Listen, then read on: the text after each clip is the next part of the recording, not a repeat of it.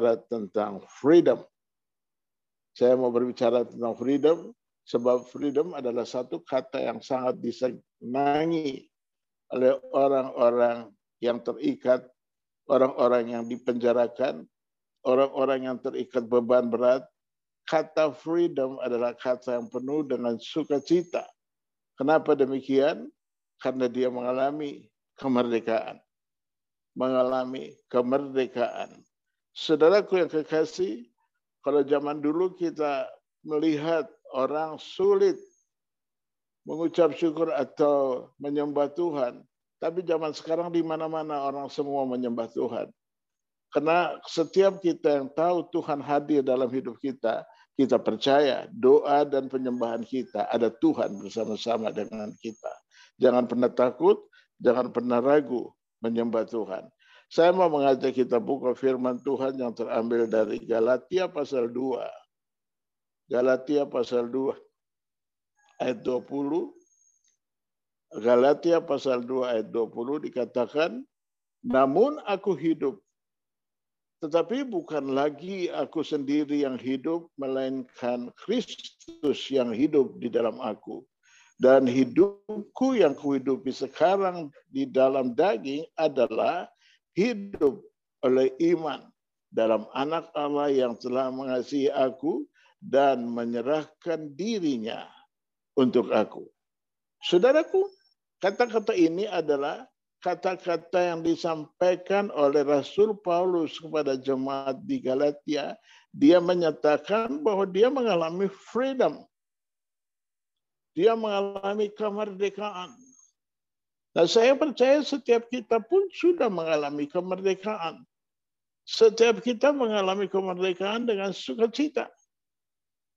Tuhan Yesus ketemu siapa aja, Tuhan Yesus ketemu siapa aja, dia ketemu dengan seseorang, orang itu mengalami kemerdekaan. Contoh yang paling gampang kita lihat kalau kita lihat Yohanes pasal 4, Tuhan Yesus berbicara dengan perempuan Samaria. Waktu perempuan Samaria datang ke sumur jam 12 siang dikatakan, dia ketemu dengan Tuhan Yesus di situ. Ada Tuhan Yesus di situ dan Tuhan Yesus mengadakan dialog dengan perempuan Samaria ini. Lalu perempuan Samaria melihat dari suku orang Yahudi, orang Israel tidak boleh berhubungan, berbicara dengan orang Samaria. Tapi di sini Tuhan Yesus yang membangun pembicaraan. Dan akhir dari pembicaraannya, perempuan ini tahu bahwa ini bukan manusia biasa, dia Tuhan. Perempuan ini lalu berkata, aku tahu kau Tuhan. Saudaraku yang kekasih rencana untuk dia ambil air, dia tidak ambil air. Kebutuhannya tidak menjadi utama. Dia tinggalkan tempayangnya.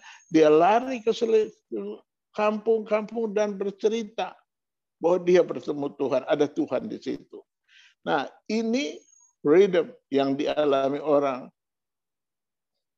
yang benar-benar bertemu dengan Tuhan. Saya yakin sekali bahwa kita semua orang yang sudah bertemu dengan Tuhan, secara pribadi kita bertemu dengan Tuhan, dan kita mau membangun hubungan yang luar biasa bersama Tuhan. Di sini saya catat, mengapa manusia perlu dimerdekakan?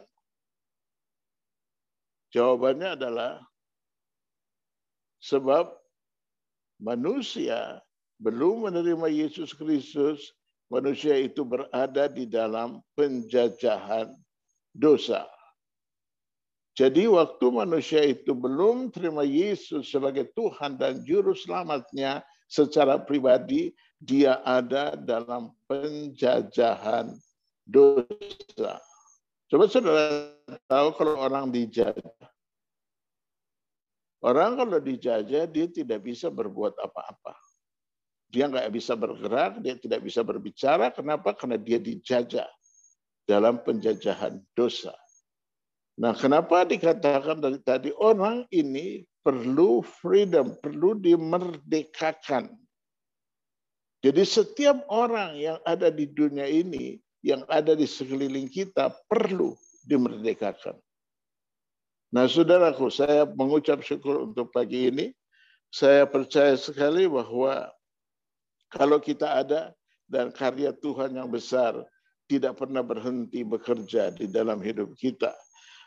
Saya catat di sini pada tahun 1807. Di sini saya menggambarkan ada seorang yang bernama William Wilbert Force.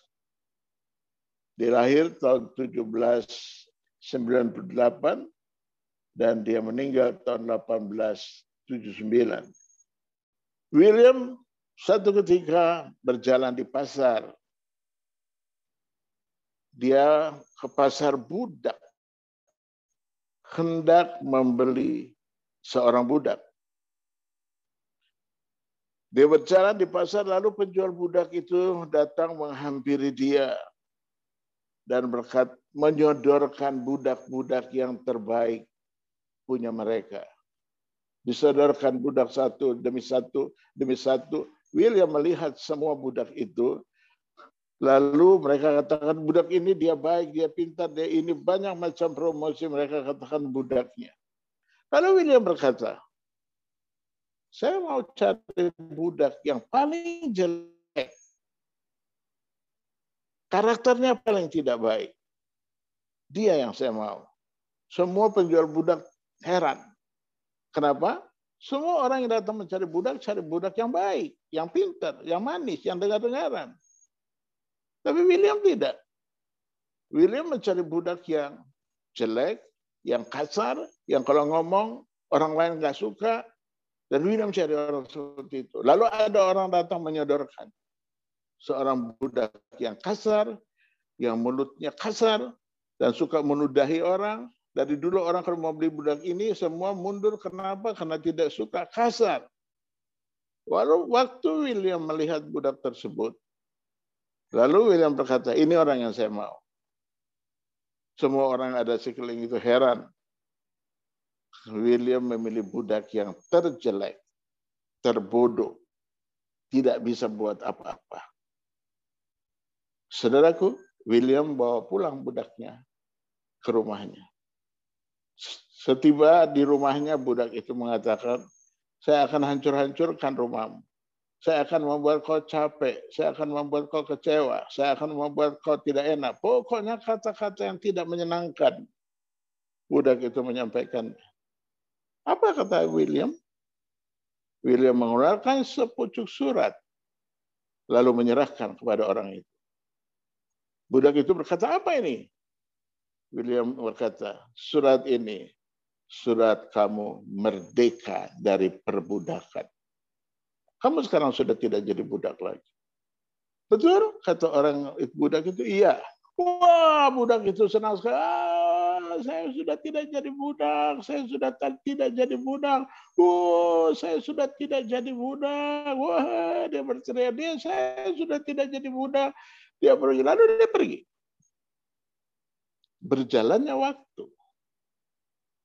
Budak itu diam lalu berpikir. Dia tidak tahu apa yang akan dia buat. Dia tidak tahu apa yang akan dia lakukan. Dia tidak bisa berbuat apa-apa. Dia tidak bisa buat apa-apa. Budak itu diam. Lalu dia berkata pada dirinya sendiri.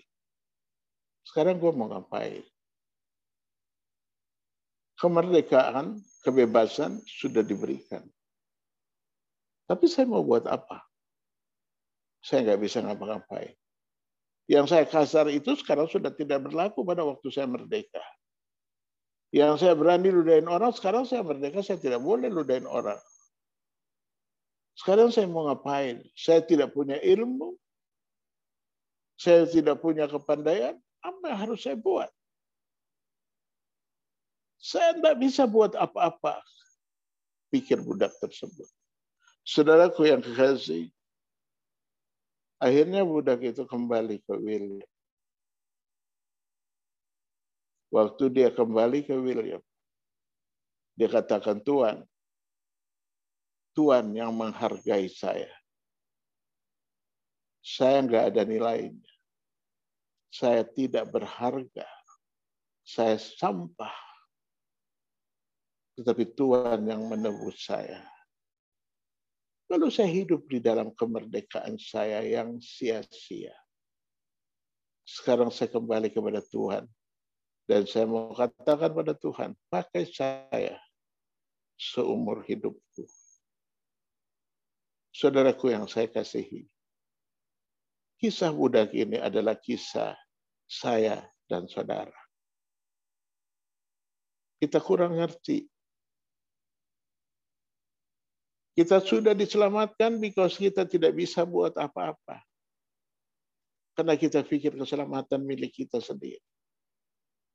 Kita nggak bisa buat apa-apa. Kita hidup di dalam kemerdekaan, kita hidup di dalam sukacita, kita hidup di dalam pesta pora, di dalam kita sudah diselamatkan, tetapi kita nggak tahu kita mau buat apa. Kita nggak tahu kita mau buat apa, kita nggak bisa buat apa-apa. Kita nggak bisa buat apa-apa. Kisah ini, saya mengambil kisah ini adalah contoh kehidupan saya dan saudara. Seberapa lama saudara sudah mengikuti Yesus? Berapa lama saudara jadi pengikut Kristus? Dan pertanyaannya, sudah berapa orang yang saudara bawa kepada Tuhan Yesus? Apakah keselamatan milik saudara pribadi? Ini menjadi perenungan kita di pagi yang indah itu. Kita kadang-kadang memiliki kemerdekaan seorang diri. Kita memiliki freedom seorang diri. Dan kita nggak bisa buat apa-apa. Sebab kemerdekaan yang kita miliki adalah kemerdekaan yang kita harus bagikan kepada orang lain. Melalui saya sudah dimerdekakan, orang lain pun dimerdekakan. Saudaraku, kisah ini adalah kisah yang sangat indah untuk kita renungkan. Hidup kita adalah hidup yang singkat, sangat singkat, dan sangat terbatas. Saya minta slide selanjutnya dinaikkan. Ya, ya, Beberapa pelajaran yang kita dapatkan dari William Wilbur adalah satu, kemerdekaan dari perhambaan dosa. Waktu ditebus dari budak perbudakan, dia mengalami perbedaan kemerdekaan. Tetapi kemerdekaan itu bukan dimiliki secara pribadi atau dinikmati secara pribadi. Bukan, bukan, bukan. Tetapi kemerdekaan yang kita miliki adalah wajar atau haruslah kita menceritakan kepada orang lain bahwa begini loh saya dimerdekakan karena kamu belum dimerdekakan. Penting sekali melalui hidup kita orang lain dimerdekakan. Saudaraku berhenti dari menyenangkan diri sendiri. Pikirkan apa yang menyenangkan hati Tuhan. Contoh, budak ini. Dalam kemerdekaannya dia tidak bisa berbuat apa-apa. Dalam kemerdekaannya dia tidak bisa lakukan apa-apa. Kita diberikan kemerdekaan bukan berarti kita keluar dari jangkauan Tuhan, kita diberikan kemerdekaan untuk kita melekat tetap kepada Tuhan dan kemerdekaan itu akan nyata di dalam hidup kita. Saya percaya sekali bahwa kita hidup sekeliling kita perlu melihat kehidupan yang benar itu. Dan kalau kita memiliki kehidupan yang luar biasa, mari melalui hidup kita orang lain diberkati Tuhan. Melalui hidup kita, orang lain mengenal Tuhan. Melalui hidup kita, orang lain bertemu muka dengan Tuhan. Nah, poin ketiga, sorry, poin kedua. Nah, hidup mempunyai tujuan. Kalau saya katakan hidup mempunyai tujuan, artinya banyak kita, banyak orang yang sudah memiliki kemerdekaan, tetapi nggak ngerti tujuan hidupnya. Nggak ngerti. Di kemerdekaan kita tiap minggu ke gereja. Kemerdekaan kita kasih kolektor. kemerdekaan kita kasih perpuluhan yang benar, itu nggak salah. Tetapi yang paling penting kita mengerti apa yang Tuhan mau kita lakukan di dalam hidup kita ini. Ya tadi perempuan Samaria itu. Setelah dia bertobat bertemu dengan Tuhan Yesus, dia bukan saja berdiam diri, satu kampung dengar nama Yesus karena dia. Nah ini yang perlu kita renungkan bersama-sama. Tujuan hidup kita memuliakan Tuhan. Tujuan hidup kita menyenangkan hati Tuhan. Tujuan hidup kita nama Tuhan ditinggikan. Tujuan hidup kita keluarga kita memuliakan Tuhan.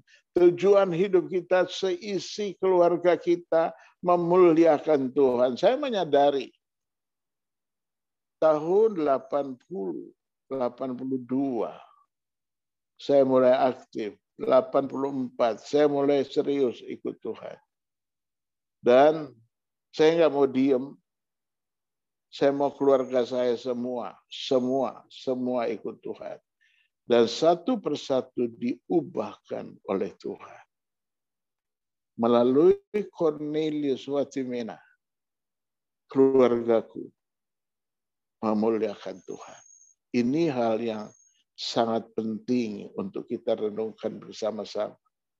Bagus kita berjemaat, bagus setiap minggu kita ada di gereja, bagus kita aktif di cell group, bagus kita aktif morning chapel, tetapi lebih dari itu, pastikan melalui hidup kita orang lain mendengar nama Yesus. Orang lain bertanya, orang lain mau bertemu muka dengan Tuhan Yesus.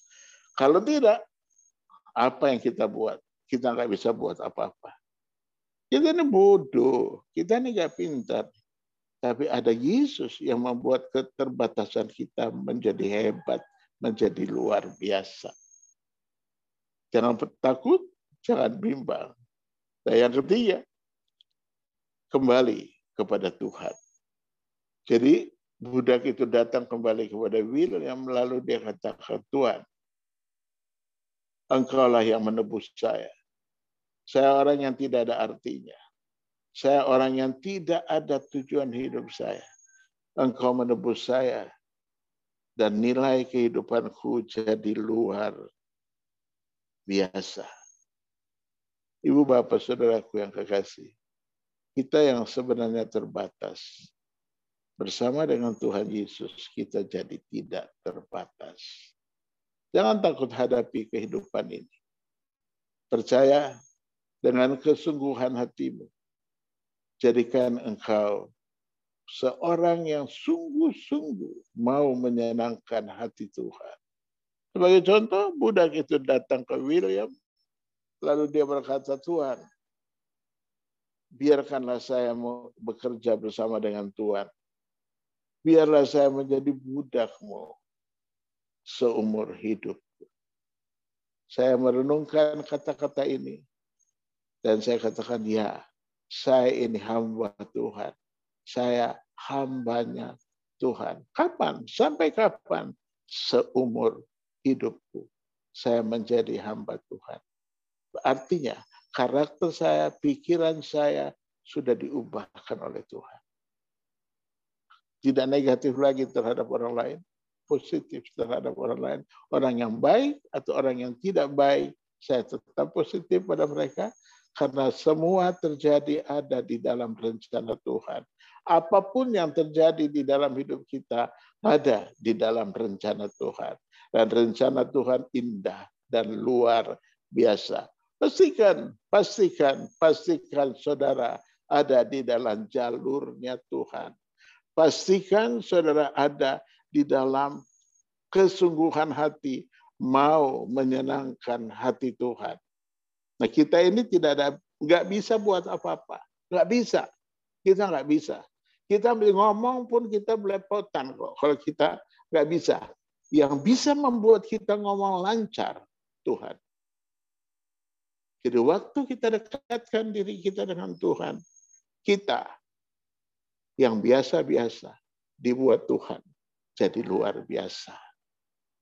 Ingat, pertama merdeka dari perhambaan dosa, sudah dimerdekakan. Dua, kita hidup mempunyai tujuan. Kita punya tujuan hidup. Yang ketiga, kita kembali kepada Tuhan dengan sungguh-sungguh. Kita tidak hidup untuk diri kita sendiri. Tapi kita hidup untuk Tuhan. Dalam hidupku, nama Tuhan ditinggikan. Nama Tuhan dimuliakan. Nama Tuhan diagungkan melalui hidupku. Mari, mari, mari. Kalau kita baca tentang budak ini, kita renungkan diri kita. Apa yang kita bisa buat untuk Tuhan? Apakah kita berputar di situ-situ saja? Dari kemarin sampai sekarang, sampai tahun depan, bulan depan, masalah kita itu-itu saja. Gak selesai masalah itu-itu saja. Satu jawabannya. Saudara hidup untuk dirimu sendiri. Jadi masalahnya juga itu-itu saja kembali. Tapi kalau saudara hidup untuk Tuhan, maka segala sesuatu yang tidak pernah saudara pikirkan dibuat Tuhan. Hidup semakin hari semakin indah. Hidup ini semakin hari semakin dahsyat. Bersama dengan Tuhan Yesus, Tuhan adalah Tuhan yang tidak pernah berhenti. Kita ini nggak ada apa-apanya. Kita bisa ada oleh anugerah. Anugerah Tuhan. Dan kita temuin, kita bagikan kepada orang lain. Sehingga orang lain bertemu dengan Tuhan Yesus. Sebab cinta kepada Tuhan Yesus adalah cinta yang tidak bisa berubah. Dahulu, sekarang, sampai selama-lamanya. Cintanya tidak pernah bisa berubah. Freedom. Pastikan engkau mengalami kemerdekaan. Kemerdekaan terjadi di dalam hidupmu. Tuhan Yesus memberkati. Saudara, sebelum saya doa, saya mau ingatkan saudara, besok kita akan ikut Morning Chapel dengan tema komunitas yang saling membangun bersama Pastor Tony Suwardi. Pastikan kita hadir semuanya. Sebab kita mau diberkati Tuhan. Kita mau hidup kita memuliakan Tuhan. Kita berdoa. Terima kasih Tuhan Yesus. Aku mengucap syukur untuk kasih-Mu yang besar. Aku mengucap syukur untuk penyertaan Aku tidak mau hidup seorang diri. Aku tidak mau memiliki kemerdekaan itu seorang diri. Aku tidak mau. Aku mau kemerdekaan yang aku miliki. Orang lain pun menikmatinya. Orang lain merasakan kemerdekaan itu. Aku datang kepadamu Tuhan. Ini aku. Pakai aku. Utus aku Jadikan aku berkat. Jadikan hidupku berkat. Sisa hidupku ini jadikan aku berkat. Sehingga apa pun yang terjadi dalam hidupku, aku dapat melakukannya dengan sukacita. Karena pertolongan Tuhan tidak pernah berubah terjadi di dalam hidupku. Berkati setiap kami, apa pun masalah yang sedang kami hadapi. Tuhan Engkau menjadi penolong yang sejati. Engkau tidak pernah meninggalkan kami. Terima kasih Tuhan, terima kasih. Saudara angkat kedua tanganmu dan terimalah berkat Tuhan. Lakukan hal yang menyenangkan hati Tuhan. Taat dan setia menyenangkan hati Tuhan. Bahwa kasih Tuhan yang luar biasa itu akan diberikan kepadamu. Jangan takut, jangan bimbang, jangan kecewa. Karena kuasa Tuhan yang selalu menyertai engkau tidak pernah berubah. Dahulu, sekarang, sampai selama-lamanya. Anugerah Allah Bapa, kasih setia dari Tuhan Yesus Kristus, serta pertolongan roh kudus menyertai saudara saat ini sampai selama-lamanya. Dalam nama Tuhan Yesus. Amen.